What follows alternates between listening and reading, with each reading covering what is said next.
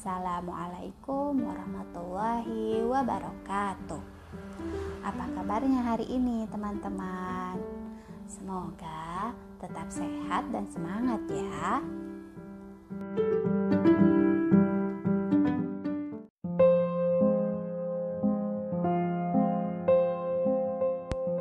Buku yang mau kita baca kali ini berjudul Ira Tidak Takut pengarang Dina Novita dan ilustrator Dewi Mindasari dari penerbit Ayo Membaca.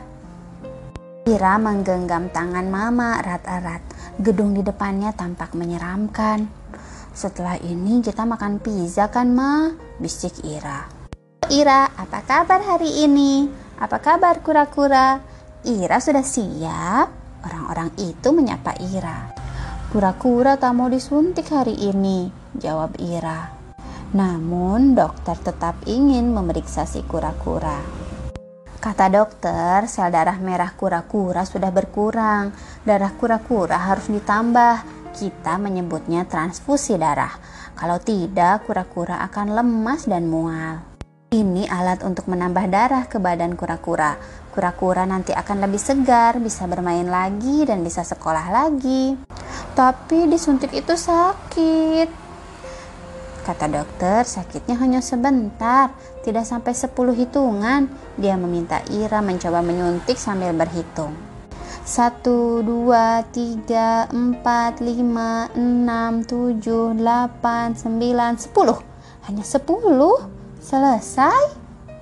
Wah hebat, kura-kura tidak takut. Kalau begitu Ira juga tidak takut. Dokter mengingatkan Ira untuk berhitung sampai 10. Selama ditransfusi nanti, Ira boleh nonton film kesukaannya. 1, 2, 3, 4, 5, 6, 7, 8, 9, 10. Wah, Ira merasa lebih segar. Sekarang sudah selesai.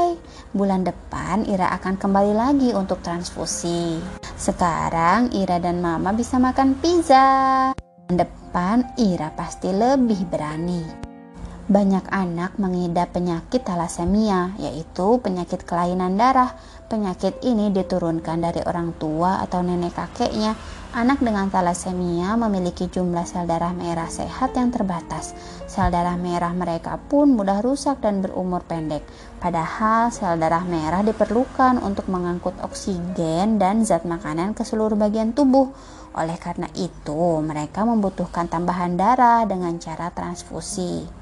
Baik secara rutin maupun sesekali, anak dengan thalassemia disarankan mengkonsumsi makanan serealia seperti gandum, oat, juga jagung, kedelai, susu, telur, minyak zaitun, serta makanan lain yang kaya vitamin E.